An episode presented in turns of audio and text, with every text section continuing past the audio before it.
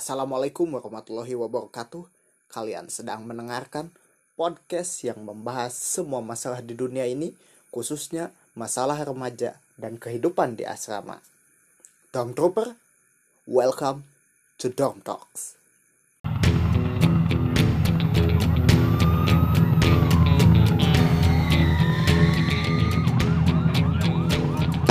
Wey.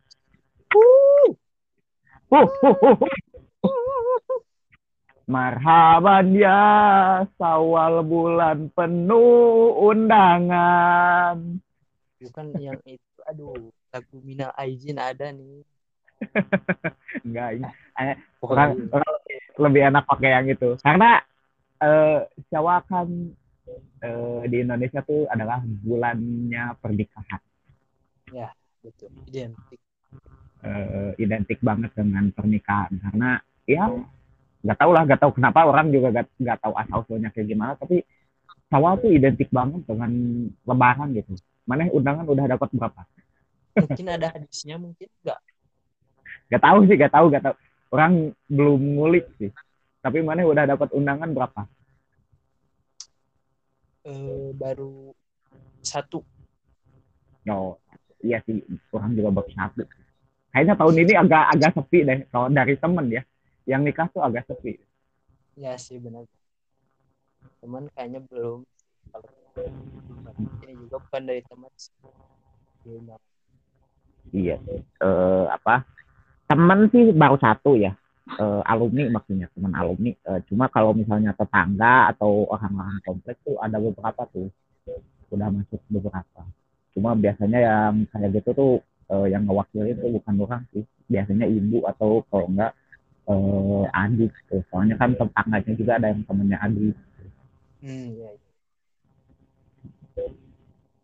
Kayak gitu sih. Ah, by the way, apa kabar dalam trooper semua? Sehat, semoga sehat selalu ya. Amin. walaupun lebarannya udah lewat banget tapi ya tidak mengurangi eh, hasanah eh, apa ya tidak mengurangi kesyahduan lah jadi eh, kami dari Dol Trooper mengucapkan eh, minal aidin wal faizin mohon maaf lahir dan batin. Taqabbalallahu minna wa minkum. Si- Siapa siapa? Taqabbalallahu minna wa minkum siamana wa siamakum Eh, kalau Tapi ini sih untuk ya untuk lebaran ini gue nggak ucapin loh. Kayak perminta maaf di grup enggak iya sih. Gue cuma Eh. kalau udah ketemu orangnya baru mina aidinan gitu. Kalau lewat Ah, ah, orang juga ketemu orangnya minal aidin kalau itu gue males sumpah. Kalau orang sih paling bicara sekali lah. Cuma kayak kayaknya karena emang kayaknya lebaran ini tuh kayaknya buat buat buat buat kita berdua tuh agak agak sedikit berbeda ya. Ya benar soalnya kan Ramadan ini mungkin beda kawan. Itu lagu siapa anjir iklan itu. Bukan. Teh botol kalau guys. Aku udah aku udah jarang tinggal lihat TV aja. Ah, soalnya kalau iklan-iklan waktu Ramadan itu terngiang-ngiang nah sih. cuma karena orang udah jarang banget lihat TV jadi ya gak ada yang membekas.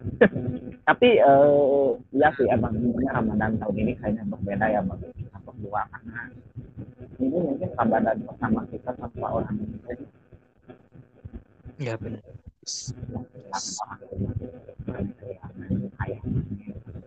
Orang juga eh, nenek dan kakek gitu. Ya apalagi yang paling nyesek tuh kakek ya. Soalnya kakek meninggalnya pas eh, Hamin enam Lebaran. Hmm, eh, lagi sakit. Dia sakit dia sakit. Tipikal tipikal sakit usia gitu. sakit sakit ya kemarin tuh pas mau tarawih meninggalnya Hmm, ya yang sebenarnya sih yang apa sih yang paling sedih dari kepergian kakek itu bukan karena itunya ya bukan karena lebaran tahun ini satunya. Karena ya kehilangan eh, kakek orang sendiri itu. Soalnya eh, dari dulu ya orang, orang tuh termasuk cucu kesayangan dia gitu. Dulu dulu tuh pas masih kecil tuh sering banget diajak. Kalau misalnya kan kak- kakek orang tuh ini ya eh, di di di desa sini eh, sama di pokoknya di seregion inilah di seregion tempat tinggal orang tuh eh, salah satu ulama kenamaan Nah dia tuh kan pasti sering ke mana-mana ya. Nah dan orang yang paling sering diajak ya orang gitu. Ya istilahnya tuh sumber-sumber privilege kakek kakek orang. Orang tuh sumber privilege ya. Soalnya eh, apa eh, gara-gara kakek gara-gara kakek tuh orang tuh jadi banyak dikenal sama orang-orang gitu. Eh, jadi banyak kenal dengan orang ini dengan orang itu gitu. Sumber ini apa penghubung Hmm, ya kayaknya lebaran tahun ini beda banget gitu rasanya gitu. Kita tanpa kehadiran orang-orang rumah kita kan kayak ada yang hampa gitu. Enggak, agak beda. tapi eh, apa kemarin ini lebaran gimana? Hmm? lebaran gimana? Kayak suasananya kayak gimana gitu terus eh, apakah dari pagi sampai sore ke mana-mana gitu atau misalnya eh, paginya lebaran siangnya udah tidur tiduran gitu Kalau gue kan berhubung malamnya gue jaga tugas ya, jaga posko di PMI. Jadi oh takbiran tuh ini eh, jaga nah, gue jaga posko. Kebagian jadwalnya malam tak. Jadi otomatis gue gak tidur sampai subuh, sampai sholat. Sholat itu gak tidur terus ya sampai siang lah pokoknya sekitaran jam 10 baru tidur. Kalau gue udah beberapa tahun ke belakang, apalagi semenjak eh, bapak gue wafat, jadi udah jarang ke mana-mana gitu. Hmm, udah jarang apa sih berkunjung ke sanak saudara gitu. ya Hmm. saudara-saudara yang jauh gitu. kalau dulu masih sering kalau waktu bapak gue masih sehat masih ya sering berkunjung ke kalau lebaran itu siangnya kalau enggak hari keduanya berkunjung ke saudara-saudara yang tapi kalau berhubung sekarang itu di rumah sih gitu suasana lebaran jadi paling sampai jam kalau lebaran gue mungkin sampai jam 12 beres ke sananya udah beres tanggal lebaran Iya. Iya ya kayak momennya gitu sama ya, soalnya. buat gitu. Mm-mm. Ya jadi mungkin Lebaran agak beda ya. agak berbeda ya agak sebelumnya itu juga yang orang alamin sih. Eh, Hmm. apa lebaran tuh kayak rasa syahdunya itu dari jam 6 cuma cuma dari jam 6 sampai jam 12 gitu. Udah jam Iya. 12 tuh udah kembali ke setelan awal sebelum bulan puasa gitu. Hari itu Nah, berjalan biasa, membosankan gitu. Hmm. jarang sekarang udah jarang sih berkunjung apalagi di rumah sekarang kakak udah pada nikah dan sebagainya ya paling di rumah aja standby jaga Mm-mm. Ya paling yang cukup menyenangkan dari apa lebaran tuh ini sih apa eh, a- adanya teman-teman yang eh, merantau gitu. Jadi karena kan orang kan teman apa teman dekat teman dekat orang tuh rata-rata dari orang-orang yang merantau kan. Eh, orang tuh juga punya teman yang emang dekat secara jarak gitu. Eh, kayak apa ya kayak le- momen lebaran dan ya ramadan dan lebaran tuh emang menyenangkan banget karena ada teman ada jadi ada teman gitu karena kan biasanya nongep ya eh ada teman yang pulang merantau terus bisa diajak main gitu. Nah itu menyenangkan sih apalagi kayaknya kemungkinan sih tahun-tahun sekarang tuh kayak tahun terakhir bisa bebas-bebasnya gitu. ya sih betul. Tahun depan kayaknya udah mulai sibuk banget. Ya bersyukur gue juga masih bisa apa sih sebagian Mm. kerja gitu ada yang kan ya sekarang untuk momen lebaran bisa kumpul. Walaupun nggak lengkap gitu saya bersyukur lah satu momen buat kumpul-kumpul lagi sama teman-teman dulu Hmm. tapi malah sama teman kamu sebelum eh minal aidinan Eh, lo belum masuk ya? iya belum besok masuk Orang juga sebenarnya belum masuk sih. Harusnya sih kemarin ya. Eh, eh bet, btw ini kita tappingnya hari Kamis ya malam Jumat. Eh, harusnya orang tuh eh, masuk ke kampus tuh hari Rabu. Cuma hari Rabu tuh kayak anjir, udah setelan sekolah banget gak efektif. oh iya Hari pertama belajarnya gak efektif. Anjir udah kayak sekolah. Iya sih soalnya suasananya masih momen-momen lebaran Ah. karena kan pas orang ke kampus juga kan dosennya juga masih pada menjalani masa libur gitu kayak kayak kena tanggung gitu. Padahal kampus sudah seharusnya masuk sih, tapi dosennya juga masih pada kena tanggung buat liburan gitu. Jadinya pada bilangnya dirapel aja sama nanti gitu, sama minggu depan gitu. Ada sebagian iya kampus yang emang di minggu pertama itu online dulu gitu jadi minggu depannya baru tatap muka gitu. Mm-mm. Itu juga gue alamin sih, minggu pertama tuh emang online gitu. Itu tuh kan Minim- orang ya, itu kesibukan itu Uh, orang kan minggu eh, yang kemarin kan cuma hari Rabu doang. kan. Biasanya kan orang kuliah tuh Senin, Selasa, sama Rabu. Kemarin kan masuk harusnya Rabu doang karena minggu cuma satu kan jadwal kelas yang karyawan. Eh, pada nggak bisa gitu, emang kena tanggung gitu. Dan minggu depannya tuh jadwalnya jadwal kebagian jadwal tetap eh, layar, jadwal daring. Jadinya ya ya gitu deh jadinya kemarin tuh nggak kuliah wasting time hmm. Eh ya itu sih kebanyakan Cuma ya gitu sih. Cuma yang bikin pusing dari lebaran tahun ini tuh karena eh, orang kan rumah tuh dekat banget sama jalan yang jadi arus mudik ya.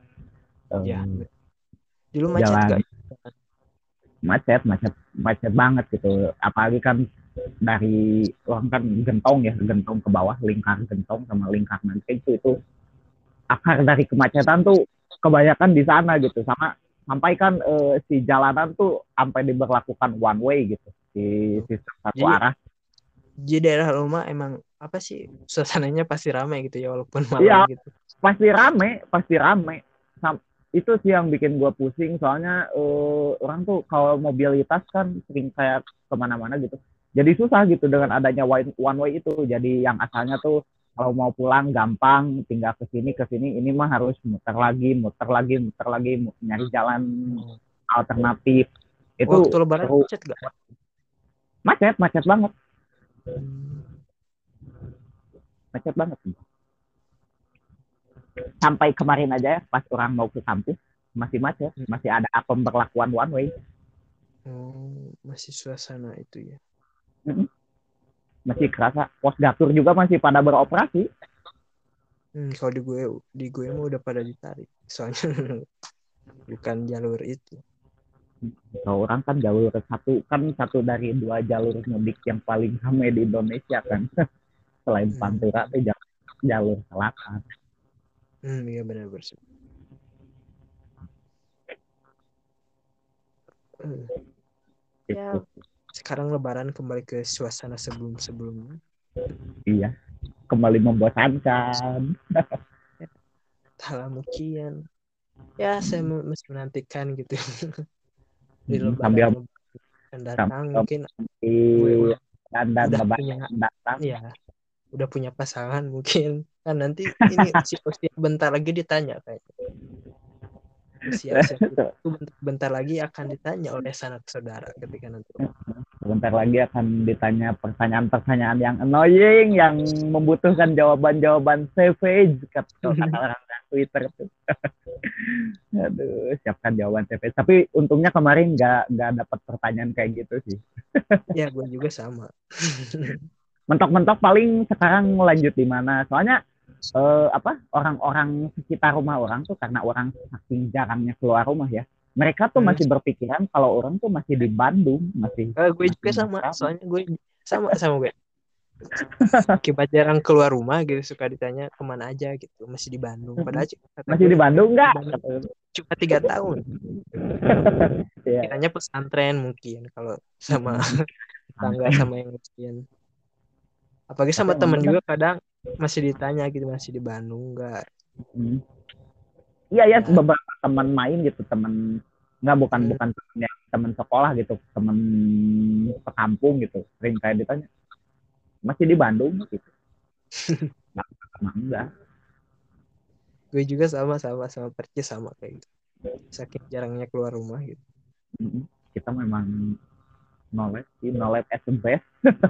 Iya Gak tahu gimana ya kondisi yang memaksa kita untuk di no labs iya karena ya kita susah kayaknya susah guyup dengan lingkungan sekitar gitu. Asli bener walaupun kita basicnya anak sosial gitu.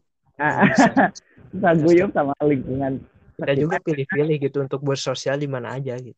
Eh, eh, terlalu memi- ber- terlalu milih-milih gitu karena emang ya udah ter udah terbentuk standarnya ketika masih di asrama gitu. Jadi ya kalau mau gaul yang yang satu tipe gitu. Hmm. jangan kan jangan kan nyari pasangan nyari temen aja kan harus yang satu tipe gitu. Nah. ya itulah kan- yang menyebabkan kita masih menjomblo bukan menjomblo single. Single lila. Single lila ya benar sih ya. iya soalnya eh, umur gitu. tuh gue emang gak kerasa sih time flies so fast. Ya semoga lah ya eh, eh, dengan berakhirnya eh, apa Ramadan dengan terlewatnya Lebaran gitu bisa dipertemukan lagi dengan Ramadan dan Lebaran berikutnya. amin amin Allahumma balikna eh, Ramadan. Ya Allah sampaikanlah kami ke bulan Ramadan. amin. Amin. Ya itu sih intermezzo kita soal Lebaran gitu. Hmm. ini sih harusnya buat nanti ya buat poin selanjutnya gitu. Tapi gak apa-apa lah ya. Em, tapi apa sih yang sedang ramai sekarang gitu? Di dunia umum. Dunia maya. Di dunia maya. Oh ini sih eh, apa tentang isu-isu yang sensitif gitu yang sekarang lagi ramai kemarin tuh. Hmm. ya. Oh iya. Jadi Corbuzier Hmm, iya, iya. Corbuzier yang dia mengundang eh, apa orang yang eh, emang personalitinya dikenal sebagai eh, apa, eh, LGBT atau ya lebih tepatnya kategorinya itu gay. Eh, dan asa- salah satunya berasal dari Indonesia. Eh, iya benar benar. Ya. sebenarnya gue gak mau nyebut namanya cuma karena ya udah pada disebut juga udah tahu juga. Jadi ya ini yang diundang kan Ragio Mahardika gitu sama suaminya orang. Lupa namanya kan orang eh mana udah udah lihat podcastnya belum? Belum sih weh. Baru tahu doang tapi belum lihat sih. Jadi orang arah obrolannya belum tahu ah, orang juga sih belum tahu sih. jadi nggak mau banyak komen tentang eh, apa tentang ini itunya gitu tentang bagaimana Deddy Corbuzier eh, menilai ininya cuma kan karena netizen bilangnya kan eh, apa kayak eh, Deddy ini kayak seakan-akan mendukung gitu dengan dengan mengundang apa dan Agil ini kayak mendukung eh, LGBT di Indonesia gitu kayak gitu. Kalau menurut gue sih dia kan apa sih? Ya dia kan punya podcast sendiri kata gue sih sah aja sih. Iya. apa sih? Kondisinya di luar negeri aja sah sah aja gitu. Ya berhubungnya di Indonesia agak sensitif gitu. Mm-mm. bukan apa sih cara langsung men- kan Dedi itu lebih ke apa sih videonya itu penguatan klarifikasikan menjelaskan ya bukan untuk lebih ke mendukung atau apa gitu ya.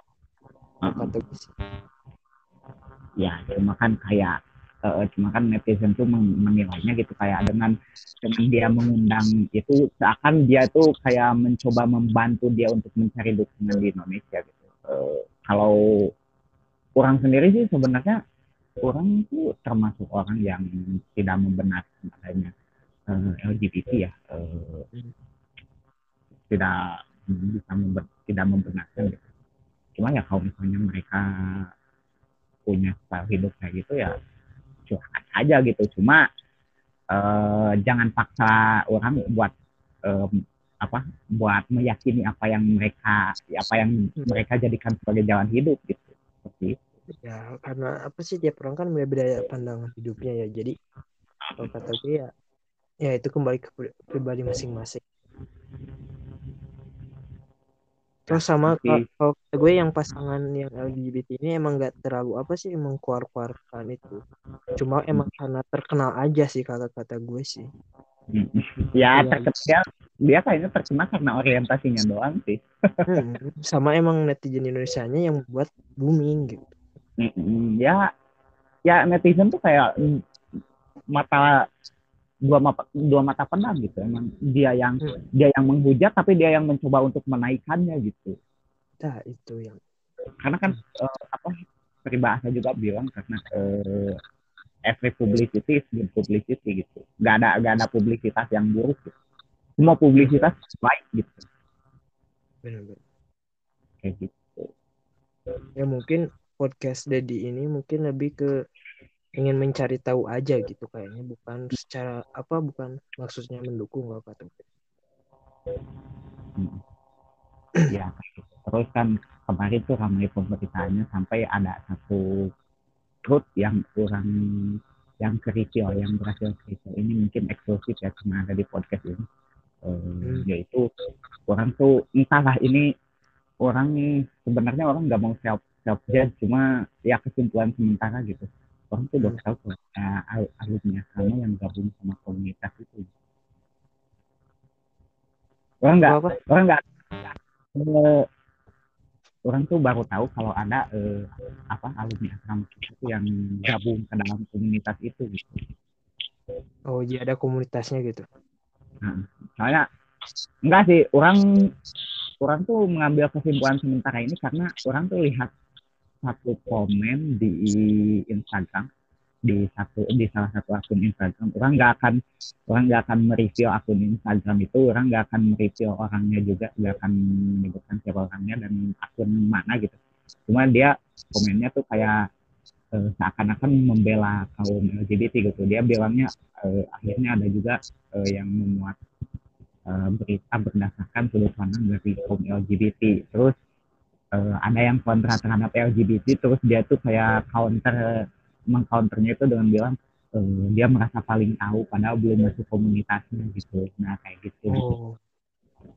itu itu kesimpulan sementara gue uh, kesimpulan dari gue kesimpulan sementara itu hmm, kayaknya dia uh, termasuk bagian dari komunitas itu gitu. Hmm.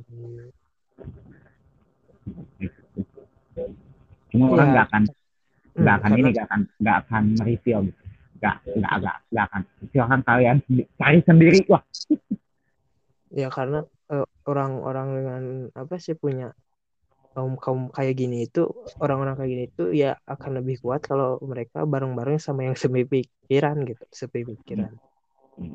ya ya yang Hmm, tapi kan kalau di Indonesia itu karena emang negara kita mayoritas Islam emang pasti langsung nolak.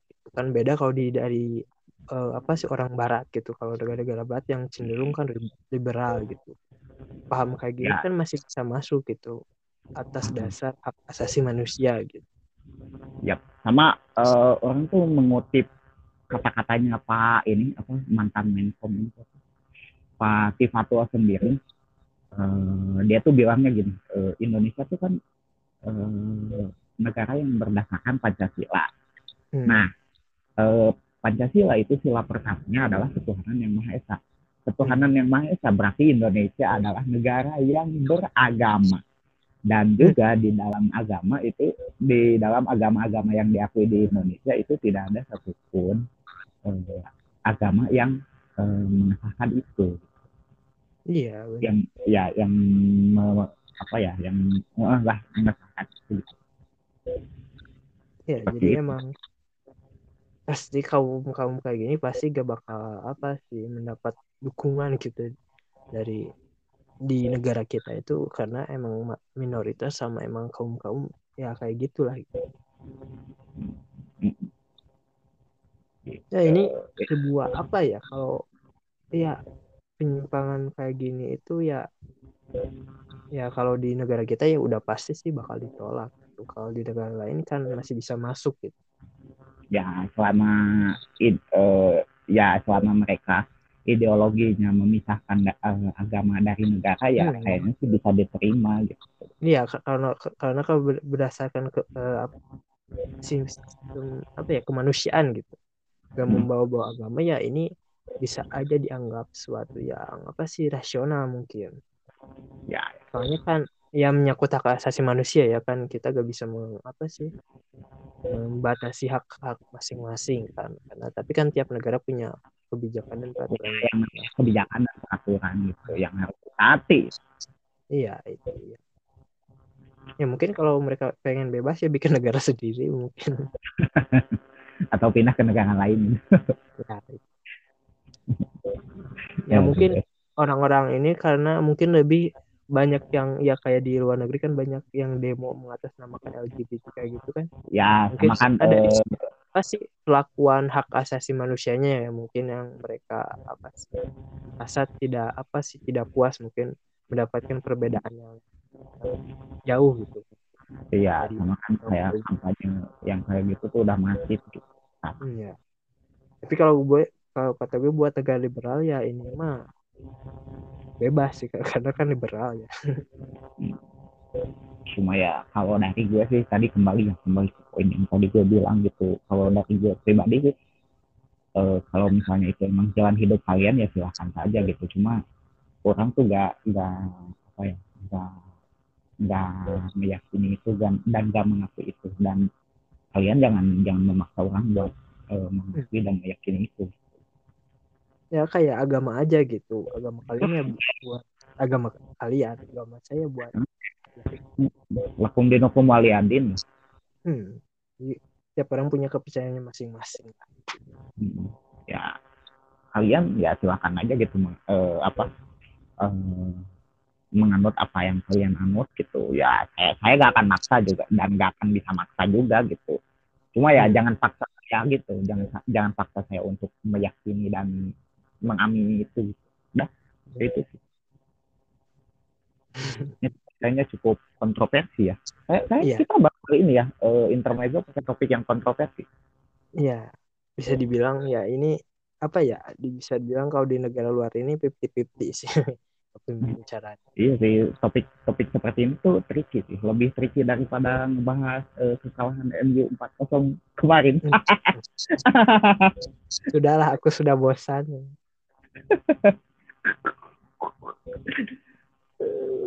Itu udah di titik di mana MU itu udah kalah ya gue udah gak gak wow lagi gitu udah gak lucu lagi malah lebih ya. kasihan gitu Bridgingnya manis. Tapi ngomongin soal bola ya. Kemarin kemarin-kemarin kan ada yang comeback tuh. oh. Ya mungkin itu saat ya next year lah ini tuh buat buat down trooper ya. Eh, jadi tadinya tuh kita tuh mau tapping tuh pas eh, abis leg pertama UCL gitu. Eh, pas leg pertama UCL itu posisinya kan eh, itu kan Real Madrid lawan Manchester City. Nah posisinya kan Real Madrid kalah ya dari Manchester City. tadinya mau tapping gitu cuma kata ada kesibukan apa gitu ujian kalau nggak salah. Karena ada ujian jadinya ketunda ketunda ketunda sampai tembus ke leg kedua.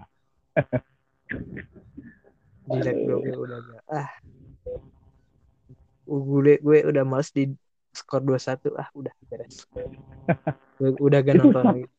semenit setengah anjir. dua kosong itu dua gol tuh semenit setengah loh ya blundernya itu sih apa ya kalau bis- bisa dibilang pergantian pemain yang terlalu cepat tuh. ya pokoknya eh, pesan moral ya bagi para Madridista kalian kalau mau nonton Real Madrid tanding itu harus sampai menit akhir gitu Kesian ya yang udah keluar stadion pengen masuk Iya, lagi. itu. Ada berita. orang yang keluar stadion gitu yang udah putus asa karena udah ketinggalan eh tahunya pas menit 90 comeback aja mau masuk lagi udah gak bisa karena dilarang sama security Sekarang gue le- lebih menikmati persaingan Liga Inggris ya. Hmm. Sama berita transfer Halan yang bikin gue wah Wah, buat membalaskan dendam nanti ketemu Real Madrid. tahunya gak sempat ketemu Real Madrid karena gugur duluan Itu sih in- impossible kok. Nah, masalahnya sih ini Manchester City tuh kalau misalnya di daftar persentase tuh selalu paling atas buat persentase tim yang memenangkan Hmm. UCL. itu Madrid padahal salah satu yang paling rendah loh. Ya mungkin karena faktor presentasi itu jadi beban kayak. Emang mentalnya belum ke- belum kebentuk sih. Ya itu Manchester City baru lolos semifinal itu tiga kali sama yang kemarin. Ya, Hmm. bisa dibilang semifinal itu belum apa sih mentalnya belum terlalu itu. Kalau buat Iya. perempat final udah sering. Hmm. Iya, tambahkan eh, apa namanya tuh si Halan ini jadi ya City. Jadi soalnya kalau lagi di IPL ya gak pakai striker juga masih bisa itu cetak banyak gol. Kalau di UCL kan Iyalah. Striker harus punya gitu minimal. Hmm. Itu sih yang jadi Iya. lemah. Mm-mm. Ya itu kemarin tuh titik lemah City tuh antara di situ sama masukin Fernandinho sih. Hmm, sih itu sih salahnya di sana. Pep ngapain coba itu masukin Fernandinho aja. Padahal City tuh lagi butuh genjot serangan gitu. Iya, itu Mahrez sih harusnya jangan ditarik ya. Hmm. Di menit 85 harusnya nunggu dua injury time berapa menit baru dia tarik. Ini kan di menit 85. Ya mungkin pelatih lebih tahu lah daripada kita sebagai fans. Ya pelatih lebih tahu apa yang baik dan yang enggak. Tapi udah gak aneh sih kalau sama. Iya. Em, kayaknya sih emang Pep harus banyak-banyak minta maaf ke Yaya Toure ya. Karena kan-. Eh, ya itu eh, tiap Pep mengalami kegagalan di UCL pasti dihubungkannya dengan Yaya Toure loh. Iya. dukun Afrika, dukun Afrika. Ya entahlah Afrika. itu. Apakah benar apakah enggak itu itu sesuatu. Iya sih, nggak tahu sih. Eh, jujur, ju- sejujurnya orang nggak percaya kutukan sih, karena emang Iya. diharamkan juga buat mempercayai kutukan. Tapi kenapa? Apalagi yang punyanya Sultan pasti gak bakal percaya lah. Iya, apalagi yang pu- yang punyanya Sultan Arab loh. Sultan Arab udah punya duit, Muslim ya pasti gak percaya gitu yang namanya kayak gitu. Tapi kenapa terjadi gitu kayak kejadian terus gitu? Apakah dunia ini eh, penuh dengan coincidence dan ada multiverse multiverse kayak di Doctor Strange? Iya bisa bisa. Mungkin City di multiverse lain itu udah pemegang ucal terbanyak mungkin. Iya di di di universe lain kayaknya Manchester City udah udah jadi rajanya UCL. Iya. Mungkin MU masih di bawah mungkin. Degradasi di multiverse lain. Enggak, MU MU tuh udah jadi juara domestik, City jadi Oh. juara di UCL gitu. Di universe lain tuh kayak gitu kayak. Ya takutnya di multiverse lain sama aja gitu. Kayaknya kita harus tanya eh, Benedict Cumberbatch eh, pemerannya Doctor Strange. kita. Tapi mana excited gak sih? Excited gak sih dengan Doctor Strange? Gue gak terlalu soalnya gue superhero yang gue gemar itu cuma ya mungkin lebih excitednya bukan ke si Strange strength-nya ya lebih ke dunia multiverse-nya itu kayak gimana. Oh, bukan lebih ke si tokohnya gitu lebih ke ceritanya aja sih di multiverse. Itu kan katanya kata sutradaranya bahwa di film ini bakal ada sesuatu yang apa ya yang baru gitu. Dan apa sih awal mula multiverse penjelasan multiverse yang kayak di kayak Infinity War kayak gimana dijelasin di sini Gitu. lebih ke excited kayak ininya aja sih. Dunia multiverse-nya. Iya. Kalau orang sih emang dari awal gak excited, gak excited ya, Cuk. karena eh, mana tahu sendiri lah kalau orang tuh gak terlalu suka dengan fil film yang eh, apa, yang terlalu yang terlalu pop ini yang terlalu digembor-gemborkan gitu, yang over advertise gitu. Eh, Hmm, Nah, bener. jadinya tuh harapan orang sebagai penonton tuh jadinya terlalu tinggi gitu. hmm ya ya Nah, nantinya hasilnya tuh jadi banyak yang banyak banyak rasa ganja dan banyak rasa kecewa gitu. Emang kayaknya filmnya tuh bagus tapi nggak sebagus apa yang kurang ekspektasikan gitu. Kayak gitu.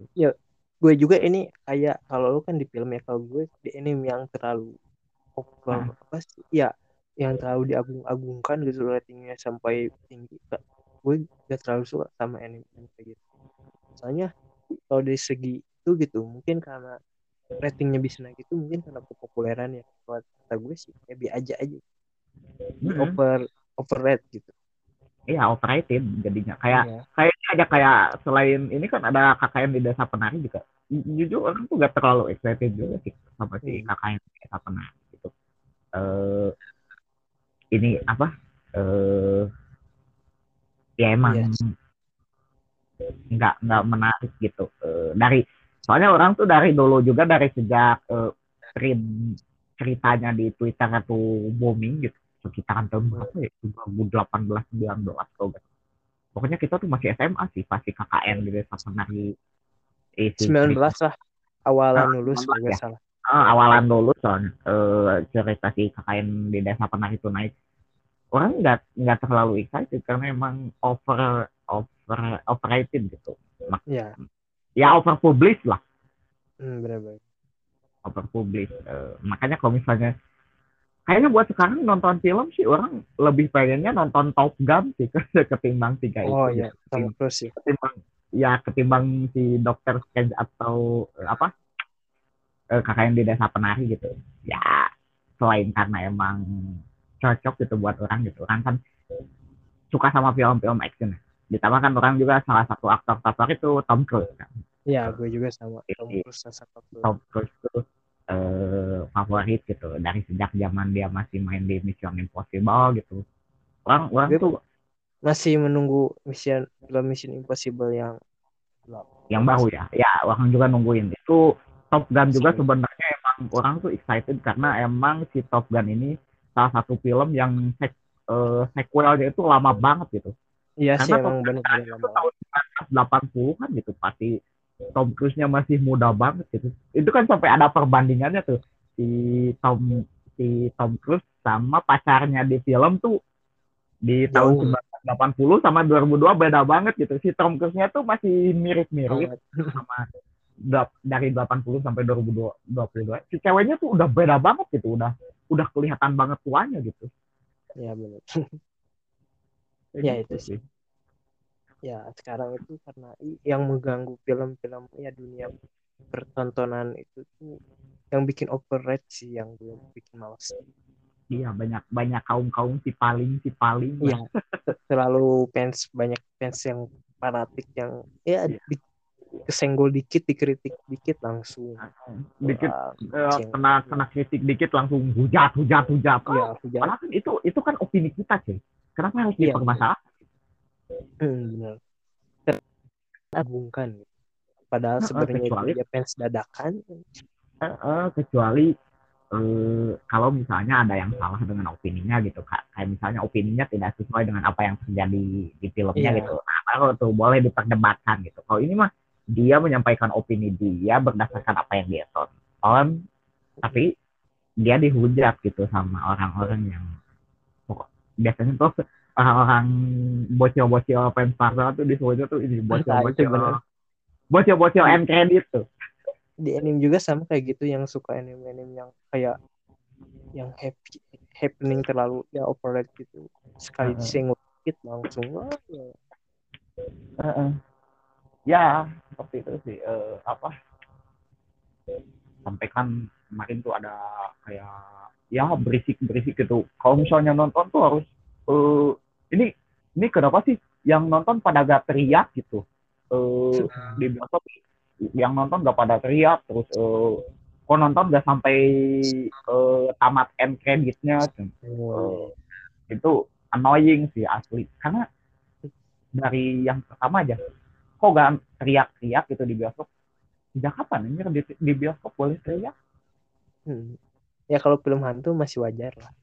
iya kalau film hantu tuh horor itu masih karena teriak karena horor ya itu teriak Iya. natural gitu kalau film-film kayak gini ya film Marvel kayak gini film superhero lu harus teriak karena apa gitu karena gol ada kan Ya paling kalau superhero itu lebih ke plot twistnya yang kayak wah kayak paling gitu bukan nah ke kalau ya tapi ya agak sampai teriak juga paling cuma Hmm. wah kayak gitu yang kayak Hmm. kayak eh, terheran-heran terkejut abang terheran-heran gue lebih Ah. mendukung yang komen yang komenannya gini kalau ada film baru itu lebih baik menunggu di LK21 aja. goblok guys. Tapi kalau misalnya buat eh, si Doctor Strange ini ya tunggu di platform legalnya sih karena orang kan punya duit ya gratis gratis langganan Eh, tapi kayaknya orang nggak bakal nonton juga sih karena di platform itu aja gue lebih sering muterin film warkop sih Biasanya kalau film-film yang happening kayak gitu suka agak lama ya biasanya. Nah, suka agak lama sih paling Nuh, ya Apa sih redup dulu ya? Heeh, karena karena di bioskopnya aja sering lama gitu bisa Hmm. sampai dua bulanan gitu Kayak Spider-Man Way Home kan sekarang udah beres-beres. Heeh, beres ya lama banget itu beres eh, hilang dari bioskopnya tuh Jadi gue belum ngecek lagi di situs ilegal apakah udah ada yang yang HD-nya. masih masih HD cam HD cam Iya, ada game. HD cam Tapi buat anak-anak asrama kan itu salah satu yang apa ya hiburan yang gratis sama murah gitu. Heeh, hiburan murah hiburan murah tuh banyak film. Ya harusnya waktu kita lulus itu menyertakan tanda terima kasih kepada situs-situs ilegal film harusnya. ya terima kasih kepada Ganol kepada LK21 kepada Film api kepada eh, kepada Pahedot.in gitu.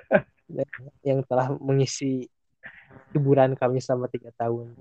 Yap, yang membuat kami bisa eh, malam-malam dalam kegelapan nonton bareng. Gitu. Ya walaupun kita update-nya terlalu telat gitu. Iya terlalu telat ya maklum kita harus menunggu dulu yang ilegal. Eh, ya maklum lah namanya juga anak asrama pasti yang kalau soal informasi ketinggalan. Ya kita ketinggalan satu dekade daripada yang lain. Ya ya. Eh, tapi ya eh, ngomongin soal permintaan. Anjir, Aing sebenarnya ini harusnya di bridgingin dari tadi ya dari yang lebaran atau dari yang si harus minta maaf gitu. Tapi agak apa-apa ya. Yang Jadi karena ini eh, episode spesial Syawal ya, kalau nggak bisa disebut Idul Fitri karena udah kejauhan.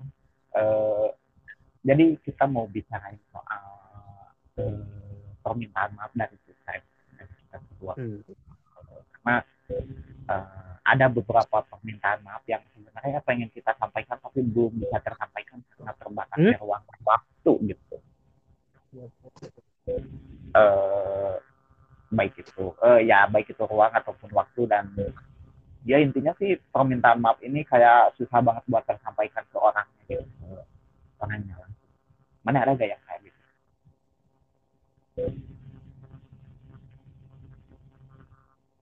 hilang ya eh, apa?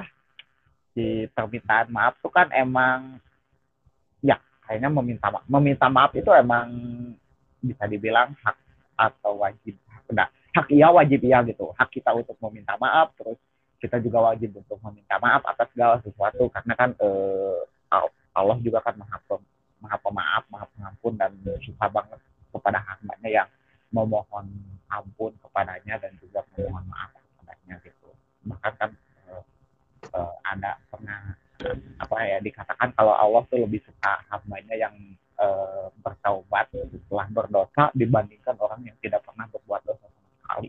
Nah, seperti itu. Nah, mana ada? Eh, eh, kan, eh, oh ya, BTW tadi lupa ya di, di awal banget gitu. Kita masih berdua sih ini tappingnya masih gue Iya. Rai sama Zain gitu. Ya gak usah nanya kabar lah karena tadi udah. eh apa?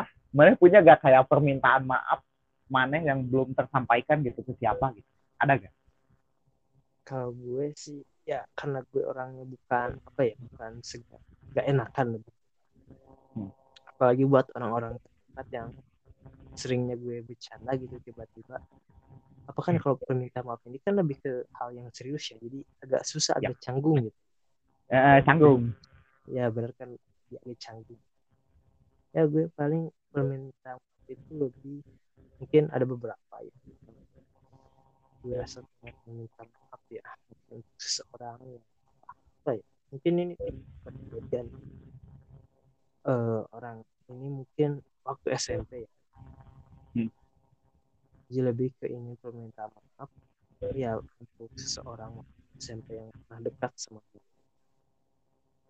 Eh, permintaan maafnya lebih ke ya pokoknya permintaan yang paling besar ke atas perbuatan yang gue lakuin enak ya yang sempet sampai emang gue udah pernah minta maaf gitu sebelumnya walaupun bu- bukan dalam rangka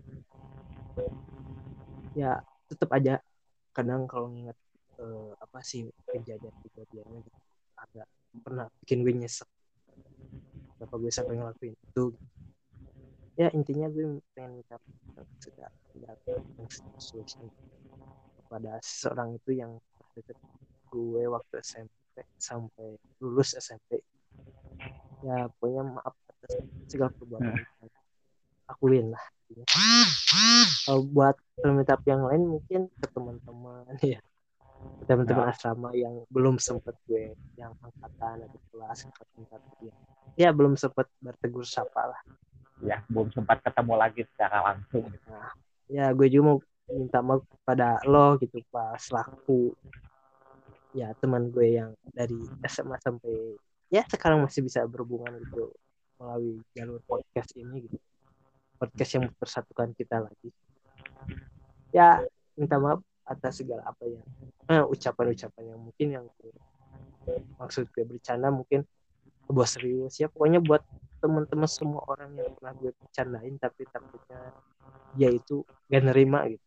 Soalnya gue gak enakan kadang kalau gue bercanda ya takutnya kadang gue mikir gini apa bercanda gue itu terlalu berlebihan ya gitu soalnya jadi pikir dua kali lagi gitu intinya itu sih buat semua orang pokoknya gue pengen karena gue bercandain itu aja sih Ah, oke, oke. Hmm. Gimana? Kalau orang sih emang sih kayak permintaan yang maaf yang susah tersampaikan tuh sama orang-orang yang belum pernah ketemu langsung lagi gitu dalam beberapa Hmm. waktu. Eh, karena susah gitu. Karena kayak agak gimana gitu kalau kita meminta maafnya lewat lewat chat gitu. Itu Ya, benar. kayak kayak kurang etis aja gitu. Eh, apalagi kan Sekedar permintaan maaf ini kan formalitas. Heeh, apalagi kan chat sering dianggap cuma formalitas. Ditambah kan eh, apa? Kalau misalnya meminta maaf lewat chat kan selain karena kurang etis juga karena kan eh, si permintaan maaf eh, ini tuh ditujukan buat eh, kesalahan kita yang emang sudah lama banget gitu, yang sudah lama banget dilakukan gitu. Kayak gitu yang emang harusnya eh, yang selayaknya gitu disampaikan tuh secara langsung. Hmm. kayak gitu. Kalau mana udah ya? Udahlah Eh, kalau orang sih orang orang tuh pengen meminta maaf sama oh ya yang paling ingat orang tuh ini. Dulu tuh eh, pas SMA ya pas eh, eh, sama si emak emak emak yang suka jual gorengan ke asrama oh yang su- suka datang tiap sore ya tiap pagi tiap pagi eh pagi oh yang oh yang di lapang itu yang daerah lapang ke sana Ha, pokoknya yang sering Oh. tiap pagi tuh sering ke asrama sering masuk ke Oh. asrama si Oh, bukannya yang sering ke asrama? Bukan Hah? pak Oh iya ya tahu tahu yang pagi ya. iya si emak Terlalu banyak si emak di asrama jadi gue bingung. si emak mama gorengan mama penjual gorengan Iya. yang sering Kan yang sore juga suka ada gitu. Ah, iya nggak nggak kalau sore kan eh, ini apa sore kan nggak nggak nggak masuk ke asrama maksudnya gitu kalau yang pagi Enggak, kan masuk yang sore asrama. ada. Yang sore yang se- sering di dekat itu di dekat rumah ruang makan nih. Tapi Oh. jarang gitu. Ah, oh yang itu kan kan itu kan di, di ruang makan nggak masuk sampai ke asrama. Oh, kalau yang pagi ya ya, yang pagi tahu. Mm-mm. yang itu yang pagi tuh yang sering masuk ke asrama kayak eh, sama yang sama ibu kantin di SMA yang jualan mie. tahu gak? Ah, gorengan potong. Hah? Yang bukan tin yang mana kan banyak. Enggak, kantin yang ini. Pokoknya kantin yang eh, jadi buat eh, buat apa ya? Buat kalian yang nggak tahu gitu. Jadi di SMA kita tuh dulu tuh ada bangunan, ada area bangunan yang bentuknya itu letter U, letter U kotak. Oh, yang yang eh, kantin yang baru. Nah, kantin yang baru. Jadi kantin yang baru itu ada di pojok kiri dari si letter U tersebut. Oh iya ya tahu. Ada kan yang jualan mie gitu. Hmm, Yang jualan mie pakai topping-topping gitu kayak misalnya eh, Ya. Gue belum kesempayan loh itu jajan Hmm? di sana. Sampai lulus Apa? juga belum kesempayan. Pengen jajan. Eh, iya yang bisa dibilang buat anak asrama itu harganya yang wah gitu. Belum Nah, kalau kalau orang tuh justru orang tuh yang paling akrab dengan eh, si tukang mie tersebut karena eh, orang tuh saking akrabnya dengan tukang mie tersebut ya sering jajan eh, Hmm. terus malah sering ngutang gitu. Aduh malu aja. Sering ngutang sama selain sering ngutang tuh sering kayak ngambil topping sendiri gitu. Kalau yang lain kan diambilin tuh toppingnya sama Hmm, si udah saking deket gitu ya. ca- eh, sama si ibu kantinnya. Kalau kata sih orang tuh satu-satunya anak asrama yang rajin jajan ke dia gitu, sama rajin ngutang. Aduh malu aja. Nah sama eh, sebenarnya bukan di situ ya permintaan maafnya, tapi permintaan maafnya itu lebih ke karena orang tuh dulu tuh pas jajan tuh kayak sering apa ya, kayak sering nambah-nambah gitu. Oh. Kayak kayak darmaji gitu. ya insting anak asrama lah instingnya insting na- naluri naluri alaminya keluar lah. Aku mengerti mengerti. Karena hanya hanya waktu di asrama insting yang kayak gitu itu keluar. Iya bener. Naluri-naluri culas. Nah kan kalau di si Ma tuh jajan gorengan tuh sering ngambil, ngambil, ngambil gitu. Nah orang tuh Hmm. kadang sering ngambil tuh kayak dilebihin gitu. Misalnya kan harganya kan dulu tuh 2003 tuh. Eh, Iya. Orang tuh sering ngambil tuh empat gitu. Hmm. gorengan tuh. Eh, sering ngambilnya tuh empat. Nah eh, sama orang tuh gak pernah gak pernah menyuruh si emak buat nyatet gitu. Jadi kan saya sering disinisin sama anak asrama yang lain gitu. Bayar katanya tuh. Kalau yang tahu ya, kalau yang tahu gitu. Kalau yang enggak mah ya enggak masalah gitu. Eh gak akan mempermasalahkan. Cuma emang orang tuh eh orang enggak karena kan si tuh gak gak nyatet ya, gak disuruhnya tuh mandiri aja gitu. Orang tuh sering tuh sering nyatetin utangnya si gitu. Sama kan eh, walaupun orang tuh kadang sering bilangnya tuh, "Mak, ngambil tiga ya, dua ribu padahal aslinya kan empat ya. Tapi yang empat itu sering gue masukin gitu ke daftar hutang orang gitu. Jadi Oh, iya. nggak nggak di nggak nggak benar-benar di korup Hmm. nggak benar-benar di korup jadi kan kan kalau misalnya tiga kali ya tiga kali ngambil empat kan otomatis kan hitungnya jadi empat kali bayar ya. jadi dua ribu dua ribu dua ribu gitu gitu nah sering gua kalkulasi akhirnya tuh sering pakai biaya pas gitu alhamdulillahnya karena eh apa orang tuh nggak mau gitu darah nggak mau gitu urat nadi urat dialirkan haram gitu. ya benar Hmm, kayak gitu sih. Walaupun emang dari awal juga kan emang ngebohong gitu. emang gak jujur gitu. Nah kalau ke si Ibi kasusnya mirip gitu. kasusnya mirip um, uh, kasusnya mirip kayak uh, ke si ibu ini aku si ibu ini uh, kasusnya mirip. Nah orang tuh kan sering beli sama sering ngutang juga gitu. Sering ngutang uh, terus uh, apa ya kayak orang tuh sering nge-mark up. Mark up. Ya kalau misalnya mie kan sama topping ya? Iya, iya. uh, sama topping. Nah kan karena orang udah dikasih uh, apa namanya tuh benefit atau apa gitu. Dikasih privilege bisa ngambil topping sendiri gitu. Hmm. uh, jadinya orang tuh uh, kayak ngambil tuh kayak misalnya Kikyo harusnya ngambilnya cuma seribu jadi dua ribu seringnya ngambil dua ribu uh, uh, apa kayak misalnya uh, ada tuh tahu kering tuh tahu kering ngambilnya Hmm. harusnya seribu jadi dua ribu gitu uh, ya dua ribu cuma disebutinnya tuh seribu ke si ibunya tuh kalau misalnya udah makan tuh bi uh, mie satu terus misalnya kikyo seribu sama uh, tahu keringnya seribu gitu padahal kan aslinya uh, mie satu tahu uh, keringnya dua ribu kikyonya dua ribu gitu. karena kan kalau di itu kan suka dicatat kan hutangnya gitu. Beda sama Hmm. si uh, mak yang gorengan tuh.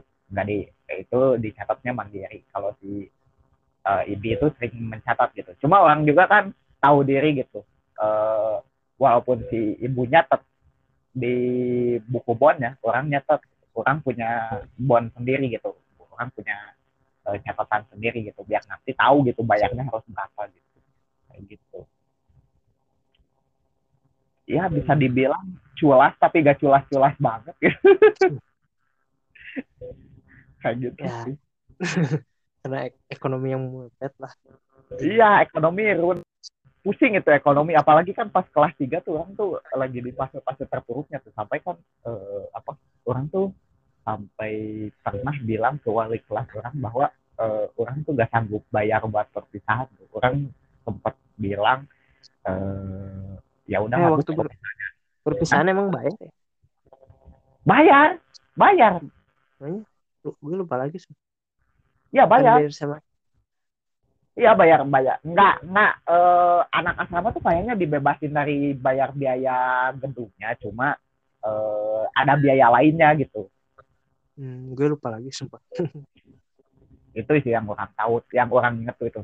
Nah orang tuh sempat bilang kalau orang tuh gak mampu bayar, karena orang udah udah gak dikasih bekal selama sekitaran 2 sampai tiga bulan tuh, udah udah gak dikasih bekal dari rumah gitu. Eh, sampai kan eh, orang tuh Cuman orang cuma menganda si perut tuh cuma mengandalkan eh, makan dari eh, kontrakan gitu. Iya. kayak gitu. Sedih banget ya tapi kayaknya gak perlu sedih nah orang tuh sampai bilang ke wali kelas kan eh, kata orang tuh, "Eh, bu nggak apa-apa kalau misalnya eh, harus bayar gitu dan yang nggak bayar eh, nggak bisa ikut eh, perpisahan. Saya mah nggak apa-apa sih nggak ikut juga gitu. Nggak nggak nggak jadi masalah gitu. Karena kan saya emang nggak mampu bayar sih. cuma untungnya si cuma alhamdulillahnya tuh eh, si ibu tuh baik banget gitu si ibu wali kelas satu yang satu ini tuh baik banget dia tuh bilangnya kayak gini eh, kamu jangan bilang gitu katanya. Tuh eh, tunggu aja gitu tunggu aja besok. Tahu-tahu udah ini aja. Hmm, bisa kayaknya sih dibayarin gitu ya, alhamdulillah salah satu privilege jadi anak asrama itu kayak gitu. Dengan wajah sedikit memelas.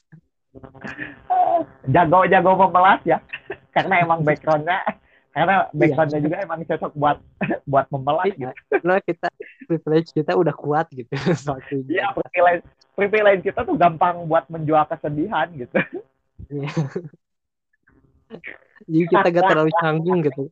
Kondisinya kalau mau bilang gitu karena kita Iya, sudah kalau gitu. kalau kalau menjual kesedihan tuh gak nanggung gitu belak belakan gitu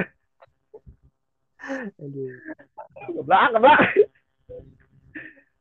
privilege orang lain tuh privilege tuh kaya terus privilege tuh punya relasi gitu. Ini ini mis anjir. Aduh.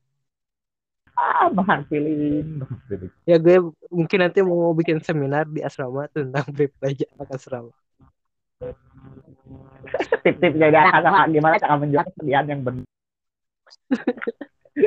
Kayak- kayaknya ini anak kayaknya ini eh, apa opa ya or- organisasi pelajar asrama kali-kali lah undang kita buat seminar cara menjual kesedihan dengan eh, seminarnya kayak SQ gitu nih kayak ISQ gitu ya kayak ISQ Iya.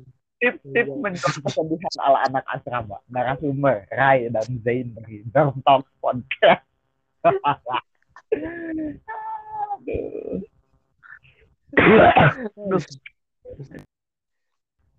Gampang banget sih kayaknya waktu dulu tuh gampang banget menjual kesedihan tuh.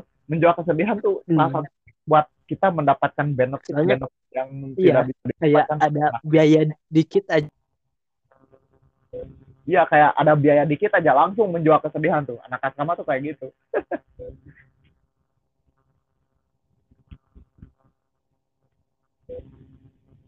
ya. Eh, otomatis gak bakal Hah? ya eh, kalau di itu itu kalau di kelas gitu. Kayak ada bayar itu. Ya di kelas gitu. aja kan eh, anak asrama kan dapat kan dibebaskan dari uang kas terus ya dibebaskan dari dibebaskan dari biaya eh, kerja kelompok. Cuma kan kalau kayak gitu kan ada ada timba baliknya gitu. Kita gawe yang paling ini apa kita kerja yang paling keras yang paling Iya. eh, ya apa, mungkin tahu paling lah. gitu. Kayak uang kas kayak gitu kan iya benar suka apa dilewatin aja langsung. Heeh, dilewatin jalan dicoret dicoret dari daftar tagihan uang kas. Kadang ada anak umum juga yang bercanda bercandanya gitu gue juga anak asrama gitu. Iya iya iya. Saya juga anak asrama gitu. tapi kadang ngeselin itu eh, bukan ngeselin sih yang bikin eh, apa sih jadi gak enak di anak asrama itu ada salah satu anak umum yang tahu eh, sifat buruknya eh, kehidupan di asrama itu kayak gimana gitu kalau nggak Iya, tahu celah-celah anak asrama itu memanfaatkannya dari mana aja gitu. Iya, itu yang tahu celah anak asrama tuh. Wah, asli itu pak eh, musuh masyarakat lah itu. Ada sih di kelas orang juga ada sih yang kayak gitu tuh yang sebenarnya dia nggak tahu cuma mencoba mencoba untuk so tahu itu ada. Nanti lah ya kita julidin kalau soal itu tuh di episode lain. Hmm, ada ada di gue juga ada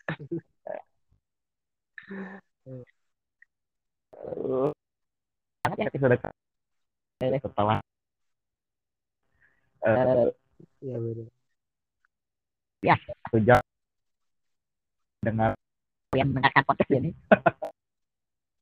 Aduh, tapi terima kasih ya, terima kasih banget gitu yang sudah dengerin podcast ini. Gue masa gue sih selalu mengucapin terima kasih yang sebanyak banyaknya gitu buat kalian yang mengucapin eh yang mendengarkan podcast ini.